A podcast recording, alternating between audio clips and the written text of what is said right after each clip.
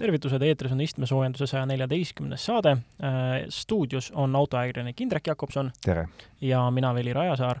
ja räägime autouudistest, nädalanumbrist, proovisõidust, nagu ikka. alustame kohe nädalanumbrist ja see on kaks koma null neli üheksa ja ma arvan, et mis see on, selle arvab ära igaüks, kes on hiljuti oma autot tankinud. jah, et seda numbrit kahjuks oleme näinud nüüd küll ühe päeva aga me nägime ka sellist päeva, kui tanklas kõik numbrid, mis olid üldse posti otsas, algasid kahega. et äh, täna hommikul samamoodi kahega algas Neste roheline diisel, aga ka teised on natukene väiksemad. no Veli, kas sa mäletad, et me täpselt eelmises saates ennustasime, et ma küsisin, et kas näeme kaks ära ja sa arvasid, et läheb kaks nädalat. jah, ma olin optimistlik selles osas, tegelikult juba järgmisel päeval oli kaks postile löödud igal pool. jah, nii et ei julge enam ennustama hakata, et liiga no, ruttu lähevad asjad täide. huvitav, ma ise ka sel hetkel, kui ma selle kaks nädalat välja käisin, mul peas käisid tugevad reservatsioonid, ma mõtlesin, no äkki, äkki on ju, barreli hind käib üles-alla, aga mm, lõppkokkuvõttes jah, see kaks, kaks nädalat oli väga optimistlik, et tegelikult seda ühte sendi kümnendikku sinna otsa keevitada ei olnud üldse mitte keeruline.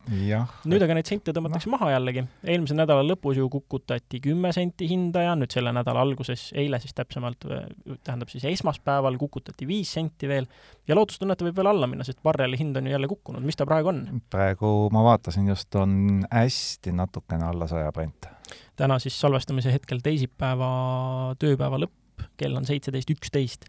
et vaatame, mis, mis veel juhtuda võib ja kas homseks, kui saade üleval on, on juhtunud midagi drastilist nagu eelmine kord? no meenutame, et nädal tagasi oli see üle saja kolmekümne kahe dollari, nii et kukkumine kõvasti üle kolmekümne protsendi, aga kütuse hind on langenud ainult viisteist senti ehk vähem kui kümme protsenti. ja no me ju teame, et meie kartellikokkulepet kindlasti mitte omavad kütusemüüjad on sisse ostnud kohe hetkega kõige kallimat kütust, mis üldse oli, kõik mahutid kallist kütust täis, nad saavad ainult väga altruistlikult natukene jupphaaval alla tulla, see on nende oma kahju, oma, ise, ise maksavad kinni selle meile. jaa, aga ma saan aru, et äh, nad vähemasti, hea, et nad seda teevadki. jah, täpselt, nad võiksid lihtsalt selle kalli kütuse meile täpselt nii kallilt maha müüa. ol-, olgu me õnnelikud, et kaks koma viis ei ole ära hakka ennustama äh, aga järgmiseks uudiseks on äh, hoopiski Euroopa bussid. et siin eelmine saade sai öeldud, et äh, no üleüldse tarbesõidukid ja kõik asjad, et ikkagi elektrilisena ostetakse uus selline tarbesõiduk reeglina kusagil üks kümnest, aga mis seis on meil nende ülejäänutega? no ülejäänutega on tunduvalt parem, et kui me räägime bussidest, millega veetakse peamiselt ikka inimesi, siis nendest on diisli peal vähem kui iga seitsmes, kuuskümmend kaheksa koma kaheksa protsenti, kui täpne olla, eelmisel aastal. ja see arv on samamoodi kukkunud, tunamullu oli seitsekümmend kolm koma kaks, peaaegu kolmveerand. ehk et äh, alternatiivkütused on need, mis väga jõuliselt nagu bussiärisse sisse tulevad ja ja enam-vähem äh, kolmandik äh, siis busse nendega ringi liiguvad ja kõik nad omakorda peaaegu võrdselt, et sellised nagu elektrilaetavad, neid on siis kümme koma kuus protsenti, noh, elektrilaetavate alla muidugi käivad ka mitte ainult äh, elektrilised bussid, vaid ka kütuseelemendiga, laiendatud sõiduulatusega pistikhübriidid. jah. Ja aga tavalised hübriidid on kümme protsenti, nii et päris suur osakaal. ja nende müük on samamoodi kasvanud, aga lisaks veel on ju alternatiivkütused. ja, ja meil on ju noh, elektribussidest rääkides ju Tallinnas juba esimese elektribussi katsetati ju mitmeid aastaid tagasi, et äh, ja nüüd on aina juurde tulnud neid busse, mis muudkui sõidavad roheliselt, mina olen roheline, kirjad on peal ja et need ongi erinevad Need on alternatiivkütused, jah, aga siin tuleb arvestada, et alternatiivkütusteks peetakse siis nii maagaasi, vedelgaasi, biokütuseid, etanooli, kõike muud, mis sinna sisse annab panna ja mis põleb, aga nende busside üli noh, ütleme, ütleme lõviosa busse sõidab nendest siis ikka maagaasile, et kõik need biokütused ja muud on ikka väga-väga väike osa noh, ühesõnaga kõik on vaikselt tõusuteel ikkagi, et nagu me näeme, siis neid äh, erinevaid alternatiivkütuse projekte just suurte sõidukite tegijad üha enam ja hoogsamalt käima tõmbavad, et Scania muudkui saadab aktiivselt ju pressiteateid, et äh, küll nad katsetavad vesinikuga, küll nad katsetavad äh, erinevate gaasidega, et et selles mõttes ilmselge on, et vähemasti nende sõidukite turul seda perspektiivi nähakse, samal ajal kui tarbes- või vabandust, siis sõiduautode turul see perspektiiv üha kaob no siin tuleb arvestada seda, et esiteks bussi puhul on see tankimine hoopis teine, sest kui ta on linnas liikumiseks mõeldud, siis lihtne on ehitada ühte linna servatankla, teise linna servatankla ja need probleemid ei ole nii suured kui maanteetranspordil kusjuures tankimisest rääkides lihtsalt üks niisugune huvitav fakt siia vahele, mis mulle eelmine nädal ette jäi, et äh, üks nendest Vene oligarhidest, kes on sanktsioneeritud ja kellel äh, likvideeriti siis äh, luksusjaht, lihtsalt oli välja toodud, et kuna sellel jahil mahub sisse umbes miljon liitrit kütust, et siis selle tankimine on, maksab enam-vähem kaks miljonit eurot. et lihtsalt selline, selline huvitav trivia teadmine, et selline kaks superautot läheb iga kord paaki põhimõtteliselt. ja sellega ilmselt ta sõidab päris kaugele. jah Äh, või siis äh, nagu mulle rääkis kunagi üks selline rikkur jahti hooldav tüüp äh, Cannes'is, et enamasti selline jaht seisab, nemad tökutavad sellega tühja sadamas, ta saab mingit metsikut palka selle eest, et ta koristab ja siis, kui härra otsustab kord aastas sõitma minna, siis lahendab triviaalseid probleeme no, stiilis see kastitäis ülikallist šampust, mis on tellitud, on vale korgiga, palun sebi mulle hästi kiiresti kastitäis õige korgiga šampust. aga jällegi selline kõrvale, kõrvalepõige autode maailmast. Lähme autode juurde tagasi, Hyundai uudis Äh, ma arvan, et kedagi ei üllata, et äh, Ioniq viis, mis paneb ridamisi auhindu taskusse, on seda jälle teinud ja sel korral siis äh, lausa kaks auhinda ja noh, siin tuleb öelda, et uudis oleks, kui seda ei oleks juhtunud. et need auhinnad on siis Briti aasta auto, Briti aast-, autoajakirjanike poolt valitud kahe tuhande kahekümne teise aasta auto ja Hispanic Motor Press Awards aasta elektriauto kaks tuhat kakskümmend kaks samuti aga Hyundai'lt on ka üks natuke teist masti uudis. et see on nagu päris uudis ja kui seda uudist äh, lugesin, siis see võttis alguses täitsa istuli. et äh, Hyundai on ju öelnud otse nüüd välja, tõsi küll, eks ole, mitte ametlikke kanaleid pidi, aga Automotive News, selline veebiajakiri teatas pühapäeval, et et äh, Hyundai on otsustanud mitte hakata kõiki oma kliente pooleldi või natukene õnnelikuks tegema, vaid äh, esimese asjana võtab kätte ja külmutab kõik sõidukipargi lepingud ja suunab kogu oma tootmise sõiduki jaemüügile. ehk et mida see tähendab äh,, autotootjatel on ühest küljest edasimüüjad, kes siis müüvad jaeklientidele, nagu meie siin enamuses kuulajad, ja siis on hästi suured sellised autopargid, milleks on siis peamiselt rendiettevõtted ja need on täiesti teistsugustel põhimõtetel aetav äri, eks ole, kindlasti on need natukene kahjulikum äh, Hyundai'le, eks, sest see on ka üks moment, aga samas on neil tohutu maht taga.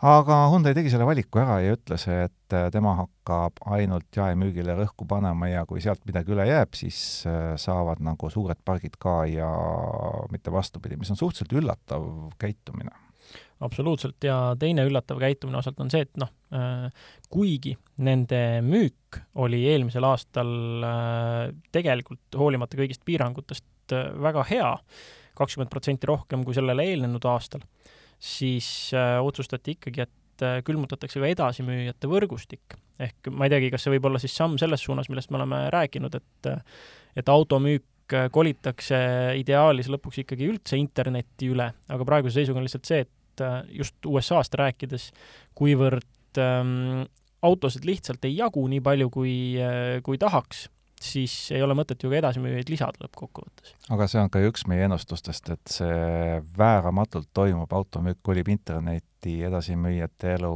läheb kehvemaks ja neid jääb vähemaks, aga loomulikult see ei juhtu ühe aastaga. eelmises saates rääkisime Stellantisest, no ja nüüd ole lahke, nädala pärast Hyundai Hyundai pole seda uudist muidugi veel kommenteerinud, aga mis seal kommenteerida. küll aga, kes on rõõmuga jaganud erinevaid kommentaare, on Ford, kes käis välja oma suure elektrifitseerimise strateegia.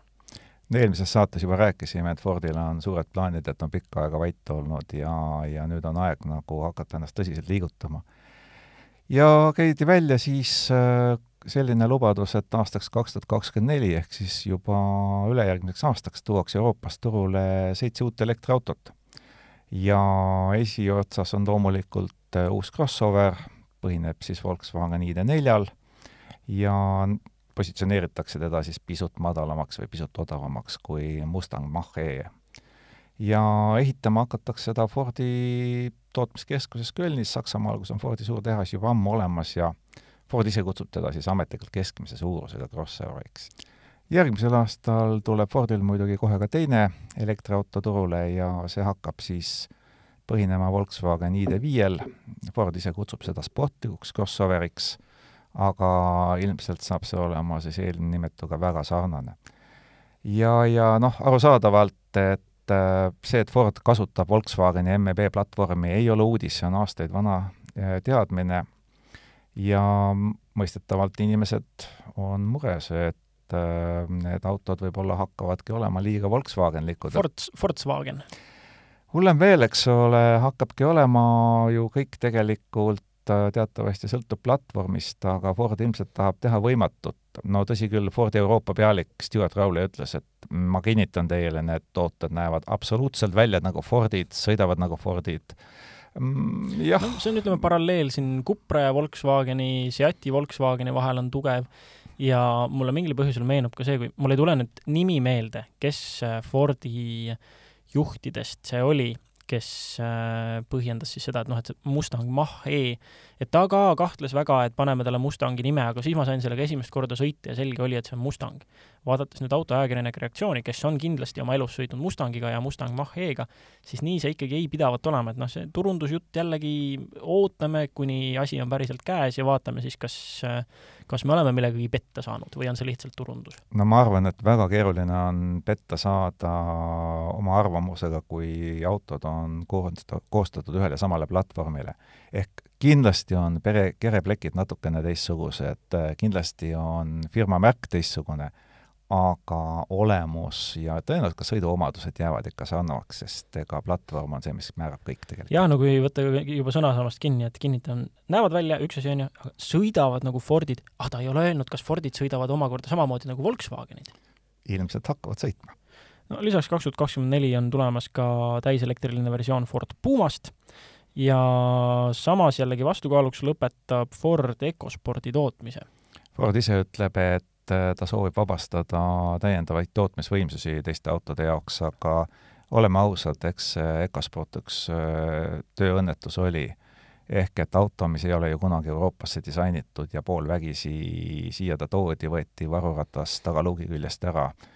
Noh, sellega enam-vähem kujundused lõppesid, kui ta välja tuli, siis naerdi tema üle pikalt ja põhjalikult, edasi ta liikus, väike, ökonoomne ja odav, aga Euroopa klientide ütleme otse, vajadusi ta ei rahuldanud. Volkswagenist natuke juba rääkisime, räägime nüüd veel mõned saated tagasi oleme rääkinud, et muudkui õrritatakse ja üha tihemini on õrritatud äh, siis äh, elektrilise väikebussi ID Buzz osas ja nüüd see siis avalikustati eelmisel nädalal. no ta ongi niisugune, noh, nad reklaamivad seda kui siis ikkagi hipibussi juurtega ja kogu noh, Woodstock ja näpud püsti ja kõik asjad, et näis, kui palju seost sellel päriselt kogu selle seltskonnaga olema saab, aga noh, ütleme et välimuselt ta on ikkagi nagu täitsa tore, nad lubavad talle igasuguseid äh, toredaid featuure, Äh, nad lubavad seitsmekümne seitsme kilovatt-tunnist äh, netosuurusega akupakki siis ja nad lubavad ka täitsa kaubiku versiooni. see kaubiku versioon võib-olla ongi nagu põnevam, et äh, see väidetavalt mahutab kaks euro alust ja ega tavaversioon on ka viiekohaline auto, pagasit seal üle üle kuupmeetri, tuhat ükssada kakskümmend üks liitrit, kui täpne olla. ja ütleme, kui jälle siin sõnu närida, siis see mahutab kaks euroalust, äh, siin võib öelda, et tegu ei ole pelgalt turundusjutuga kaks euroalust koos kaubaga, siis ikkagi eelduslikult. jah, eelduslikult küll.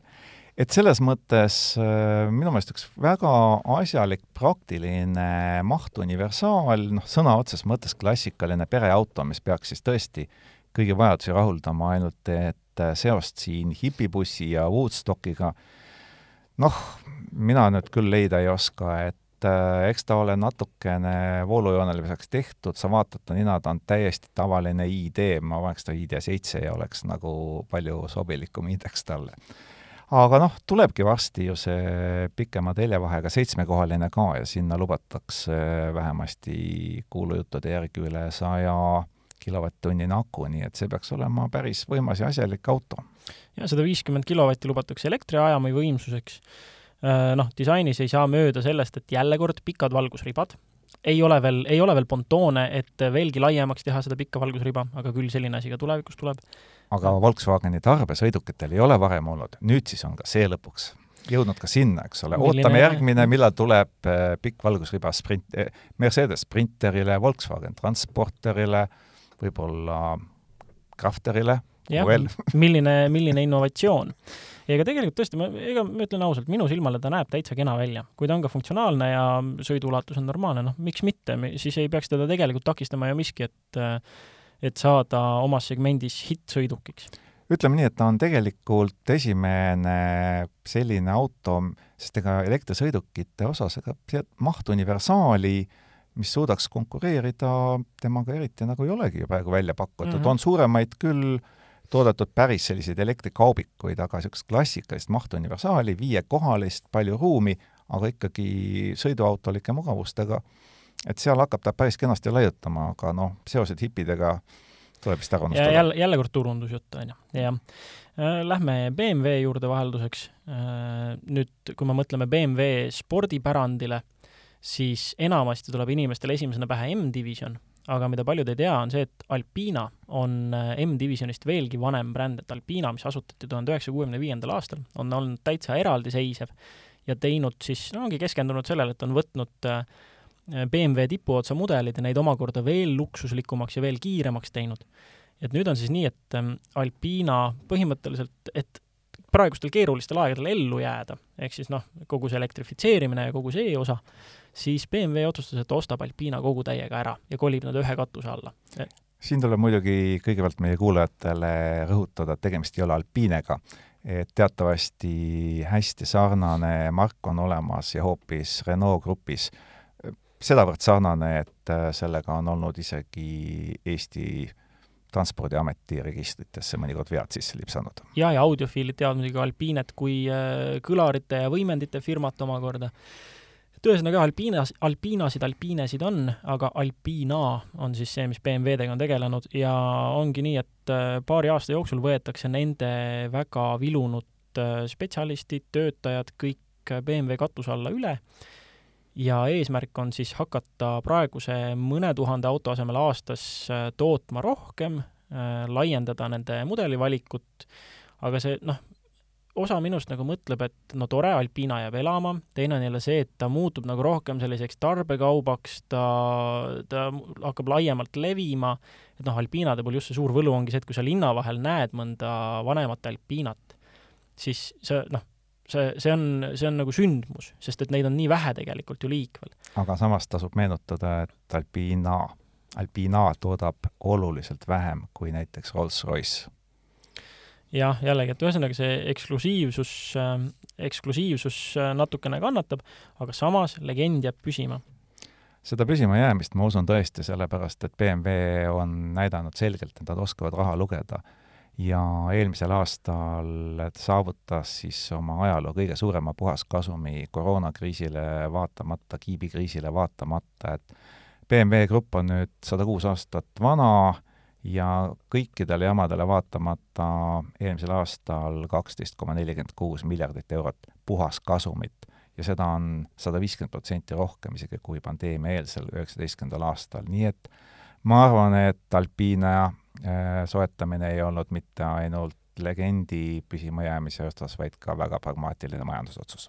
Ma kohe võtan su sõnasabast kinni, see, kuidas sa ütlesid Alpina praegu, oli täpselt see, nagu kui sa unustad ära, kuidas öelda, kumba sa mõtled, millest iganes nendest kolmest brändist rääkida, siis oli Alpinea ja, ja on enam-vähem olemas ja välja parandatud aga äh, saad kohe rääkida mulle pikemalt Rivianist. ei olegi natuke aega kuulda olnud, nende aktsia on käinud üles-alla pärast esmaemissiooni. kuidas meil praegu siis Rivianiga on, neil on suhteliselt kehv kuu ju tegelikult märts olnud? Pehmelt öeldes kehv, tegelikult on Rivianil ikka täitsa kehvasti. Neil on praegu Illinoisi tehas, mis äh, suudaks toota viiskümmend tuhat autot, aga ta toodab nendest vaevalt poole, sellepärast et kiipe ei ole, muid osi ka ei ole, komponentide puudus on päris hull. ja millest see on kõige rohkem tingitud, on tegelikult see, et kuna ajad on rasked, siis tarnijad ei usalda Riviani, kuna Rivianil ei ole pikka ja põhjalikku ajalugu taga. Ja investorid on arusaadavalt väga kurjad, täna on meil siis viieteistkümnes märts, täpselt neli kuud tagasi oli aktsiahind siis maksimumi peal, praegusel hetkel on ta sellest äh, ligi kaheksakümmend protsenti madalam, hetkel kaupleb kuskil kolmekümne viie, kolmekümne kuue dollari vahemikus. ehk et äh, selle nelja kuuga on turukapitalisatsioonist kadunud üle saja kahekümne miljardi dollari. vot mis see aktsia esmaemissiooni hind oli, kui ta praegu on kolmkümmend viis, kolmkümmend kuus? kui mu mälu mind ei peta, see oli kaheksakümne dollari kandis.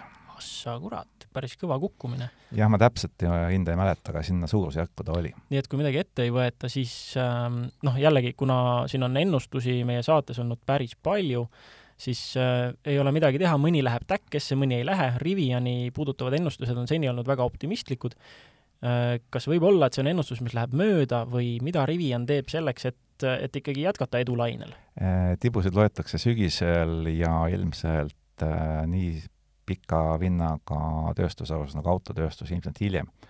et noh, praegu meie ennustus oli, et Rivianiga midagi hullu ei juhtu, noh, loodame, vaatame, aga eks äh, Rivian on ka teinud päris palju selleks, et ellu jääda. ja nüüd oli viimane strateegiline lüke see, et äh, uueks tegevjuhiks noh, COO, Chief Operation Officer, kuidas teda kutsuda, pandi selline mees nagu Frank Lane ta ise ütleb, et ta on true car guy, et ta, ta tuleb Magnast, Magnas oli ta paar aastat, aga enne seda töötas ta kakskümmend seitse aastat Daimleris. Et ta oli Mercedes-Benz Vansi äriüksuse operatsioonide juht ja ta vastutas selle eest näiteks projektijuhina, et Mercedese tehas loodi Ungarisse Keškemetti, nii et äh, tal on autode tootmise kogemus ja see on see asi, mida Rivianil praegu on vaja, hirmsasti vaja ja võib-olla on tal ka mitte ainult tootmise kogemus, vaid ka varustajad on tänapäeval juba need mehed, kes on hinnas. jah, tuleb seal õigetele nuppudele vajutada, natukene õigete laudade ees kiibitseda ja siis äkki tulevad ka kiibid. ühesõnaga, hoiame pöidlaid, et Tesla kõrval ikkagi püsiks ka üks teine selline uuenduslik ja eesrindlik äh, elektriautode ettevõte. aga veel uudiseid natuke teisest rinnast, aga ikkagi elektriautodega seoses Subaru Äh, mille põhiline maineauto on ikkagi läbi aastate olnud äh, VRX STi perekond. Et noh, see on suuresti vastutav ju selle Subaru kuvandi eest, et kui, kui ikkagi öelda Subaru, siis äh, vähemasti sellised minuvanused ja veel natuke vanemad kujutavad üldiselt ette sellist kruusa peal kõigi nelja ratta kraapides edasi rühkivat bokseri müdinat eritavat rallisinist jõhkardit.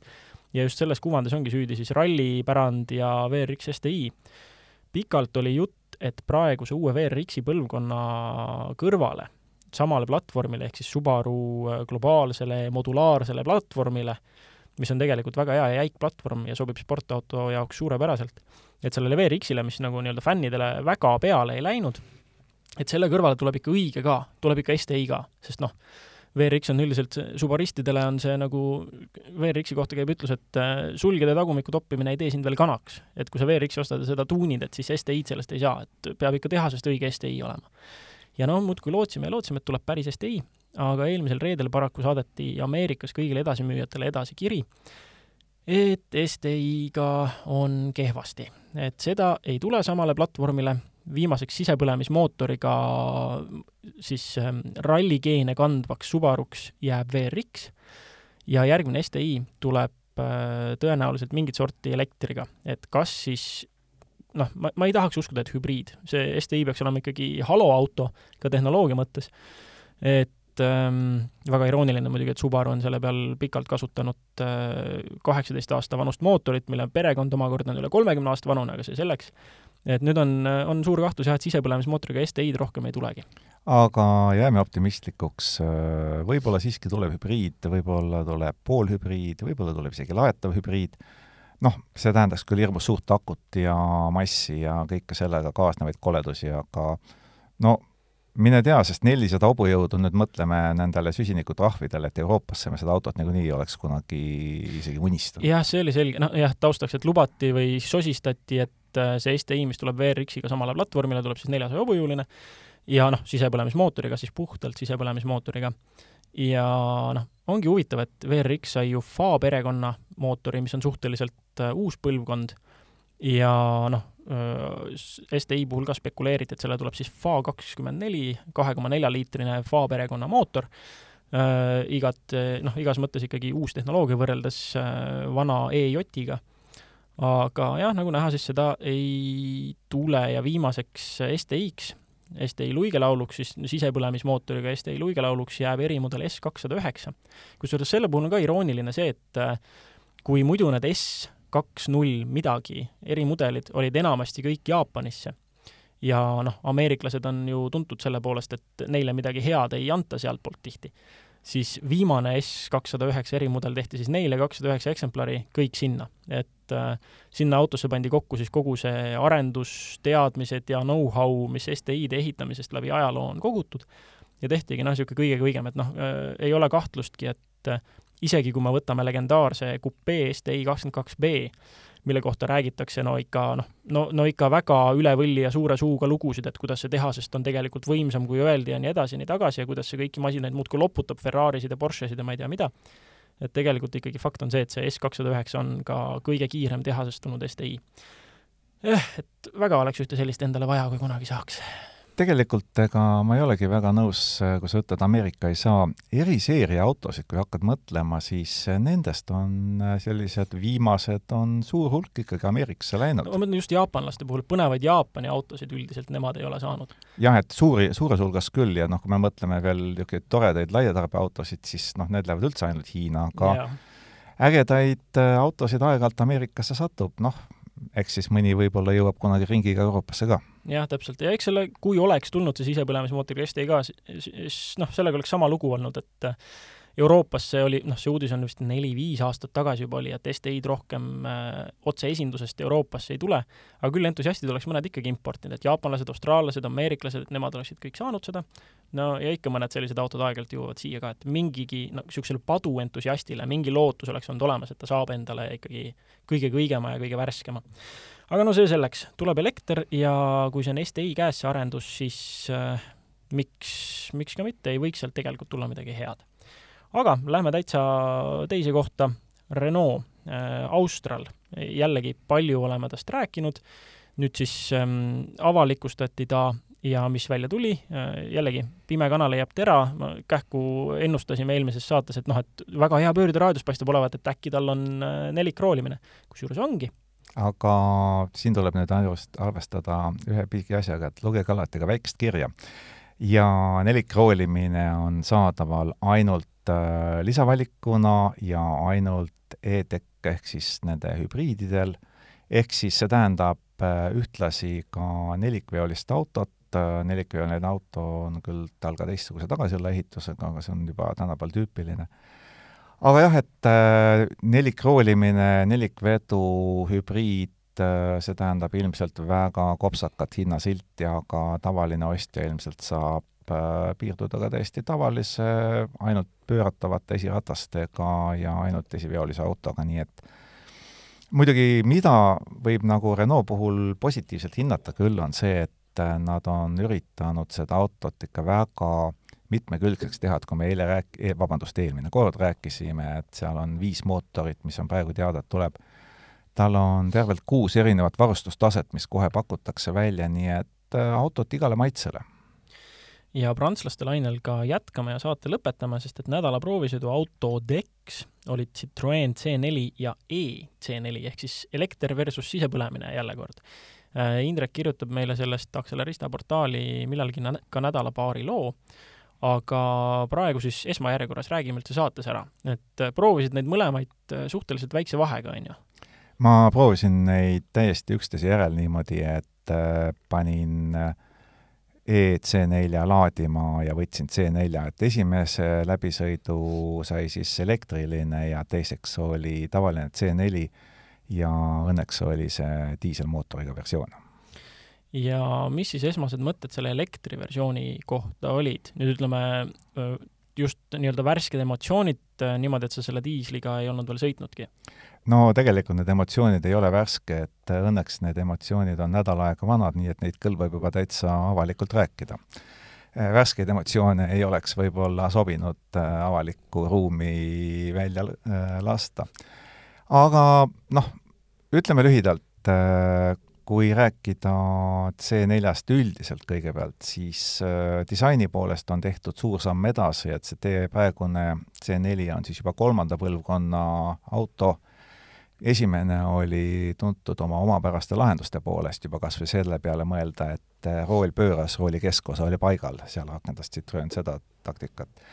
Teise põlvkonna C4 oli sõna otseses mõttes surmigav auto, et seal ta oli igav nii oma olemuselt, nii oma kui ka tehniliste lahenduste poolest ja, ja nüüd siis mul õnnestus ka pildi peale saada uus, ehk siis kolmanda põlvkonna C4 kõrvuti siis teise põlvkonna C4 ja noh, mõõtudes suurt vahet pole, aga see tagaosa on ikkagi muutunud hoopis teistsuguseks, esiosa muidugi ka. autol on kõvasti omapära ja mis on võib-olla kõige suurem muutus, ongi just nimelt tagaluuk, mis on nüüd oluliselt suurem ja oluliselt laugem, ehk et kui varem rääkisime luukpärast, siis nüüd ütleme laukpära. no aga räägime natukene andmetest alguses. EC4 puhul, elektrilise puhul siis äh, mis äh, akupakid, sõiduulatus, ajamid, kas veoskeem on ainult esivedu või on tal ka nelikut? no nelikvedu ei ole ja ei pakuta mitte kusagil mujal ka. ehk et äh, tegemist on ühe ja sama platvormiga, millele on tehtud äh, täpselt samasugune paar näiteks Opeli poolt Opel Mokka mm, -hmm. mida müüakse nii bensiinimootori, diiselmootori kui ka elektrilisena Peugeot kakssada nel-, kakssada kaheksa, Peugeot kaks tuhat kaheksa, ehk üldiselt võib öelda, et kui Hyundai tegi sellise platvormi, kuhu ta ehitas oma Kona, nüüdseks juba vist peaaegu neli aastat, üle nelja aasta on mm -hmm. möödas, siis me olime väga skeptilised, et sellist asja on võimalik nagu hästi teha Eh, Hyundai diislit sinna pakkuma ei hakanud, aga Hyundai'l tuli see platvorm väga hästi välja ja elektriline Kona sõitis suurepäraselt. mida ei saa paraku öelda selle platvormi kohta, millele on Citroen C4 tehtud ja mm, ilma pikalt keerutamata, eh, talle lubatakse WLTP järgi sõiduulatust kolmsada viiskümmend kilomeetrit. Eh, kui see auto piripardani täis laadida, siis Eesti talves, kus olid natukene miinuskraade mm, -hmm. aga no ütleme, temperatuuri vahemikus nullist miinus kümneni, miinus kümmet ei tulnud, seal ta näitas kõige parimal juhul läbisõiduks kolmsada millegagi, kolmsada kakskümmend. Aga kui sõitma hakata, siis see kukkus kaks korda kiiremini, kui seal olid, nii et kahesaja kilomeetri läbimiseks, mis on Eesti tingimustes tegelikult selline miinimumvahemaa mm, -hmm sõida sa Tallinnast Tartusse, Pärnust Rakverre, Haapsalust äh, Tõrvasse. kui sõita Tallinnast Tartusse, ei ole probleemi, vahepeal on tikupoiss, äh, vahepeal on mitmeid laadijaid, aga kui sa valid Eestis äh, kas või mõne teise alternatiivse marsruudi, siis selle autoga võib lihtsalt hätta jääda aga kuidas ta sõidumugavus on, Citroen on ju selle poolest vägagi tuntud, et sõida kui lendaval vaibal, ütlevad nende turundustekstid äh,? Ei midagi sinnapoole. me räägime C4-st, me ei räägi C5-st, me ei räägi kunagisest C6-st äh, ja nendest kõikidele nendest eelnevatest mudelitest CX-ide ja DC-deni välja. C4 ja see platvorm, millele ta on tehtud, on laiatarbeauto, see on golfklassi auto ja täpselt sellisena tuleb teda võtta. kusjuures äh, üllatuslikult Äh, see puudutab nüüd küll mitte elektrilist, vaid tavalist äh, Citroeni. võrdlesin täpselt samal marsruudil Cupraga äh,. Cupra puhul mm. sai ju proovitud, et kui palju siis nagu auto kaldub, mass tegi oma. Citroen, kui ta on tavalises äh, seades selles mõttes, et bensiini- või diiselmootoriga, on täiesti tavaline auto tavalise jäikusega ja ei mingisugust erilist pehmust, aga ka mitte erilist kaldumist. Aga no näiteks istmed, äh, Citroenil on ju see oma mingisugune väga sala, saladuses hoitud valemiga vaht, mida nad istmetesse panevad, kas see vähemasti siis äh, teeb selle sõidu kuidagi nagu pehmemaks ja Citroenilikumaks? Äh, see teeb selle sõidu täiesti tavaliseks jälle, sellepärast et see istmekate, istmekattematerjal on väga mõnus, ma olen nõus. nimmetugi on suures ulatuses reguleeritav, võib-olla istmepadi on äh, pikemate jalgadega inimestele natuke lühike, aga ütleme, et salongis viibides reguleerimisvõimalusi oli täiesti piisavalt ja mille eest saab Citroen C4 kohe plusspunktid, on see, et tema taga on ikkagi täiesti piisavalt ruumi, täiesti korralikult kasutatav tagaiste, ütleme, et see on tunduvalt suurem isegi kui Golfil või Seat Leonil, et noh, Škoda Octavia taset ta ei saavuta, aga täiesti korralik golfklassi tase ühesõnaga võib öelda, et siis äh, EC4 puhul äh, sõitjate ruumi riistvara võimaldab äh, pikemaid sõite kui kapotialune riistvara?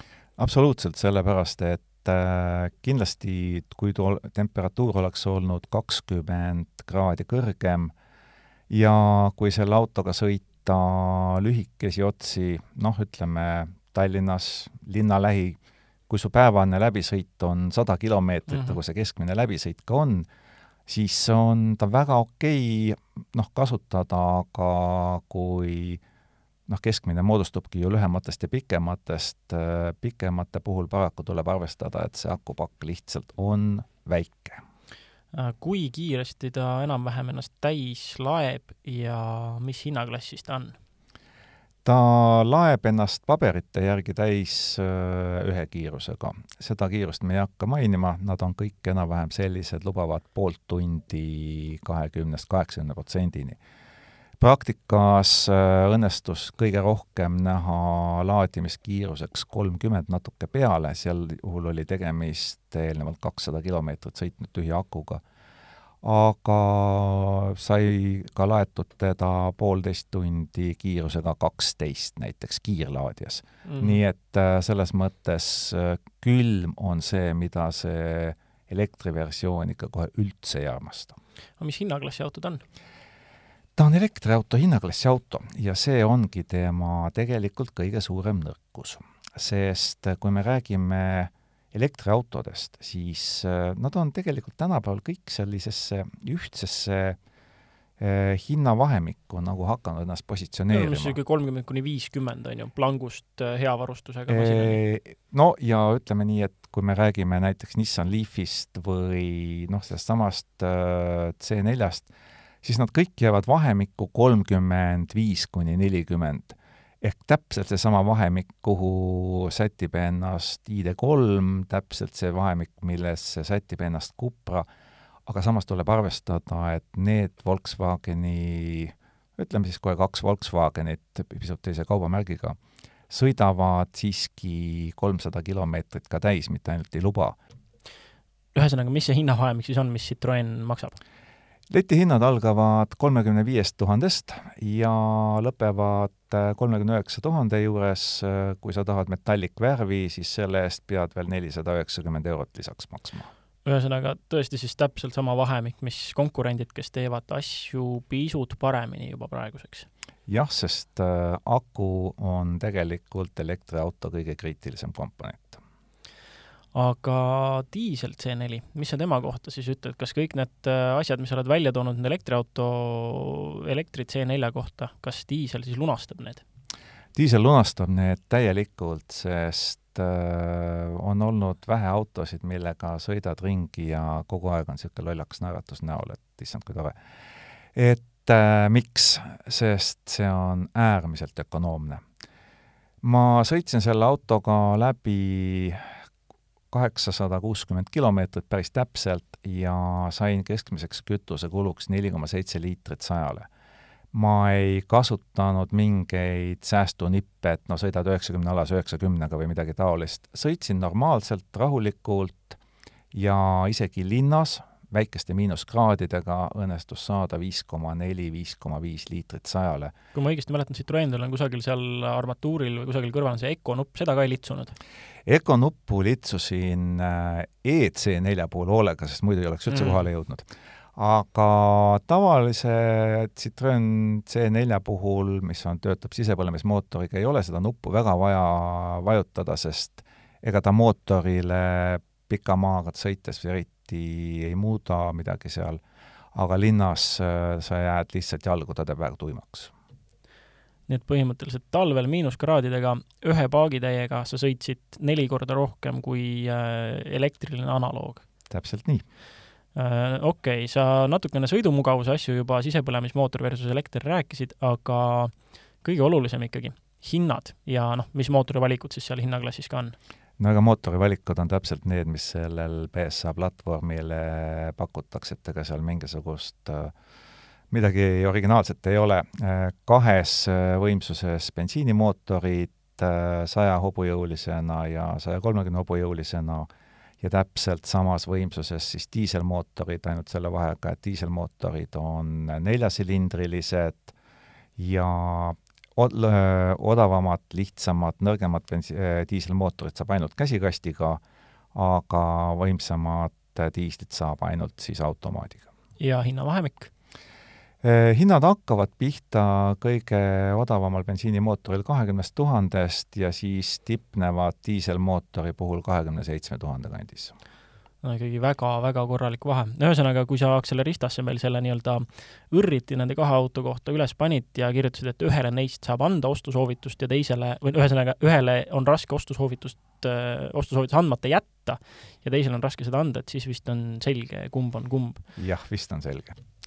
aga selle probleemi on Citroen õnneks ka klientide eest ära lahendanud, et praeguses kiibikriisi tingimustes on elektriversiooni saadavusega väga kehvasti, nii et jääbki valida bensiini- ja diiselmootori vahel ja kliendid äh, üldiselt äh, armastavad neid peaaegu võrdselt, nii et müügiks läheb praktiliselt sama palju, hästi natuke bensiinimootoriga rohkem. see oli siis istmesoojenduse saade sada neliteist, aitäh neile, kes lõpuni kuulasid, loodame, et kuulate ka järgmisel nädalal! Kuulmiseni!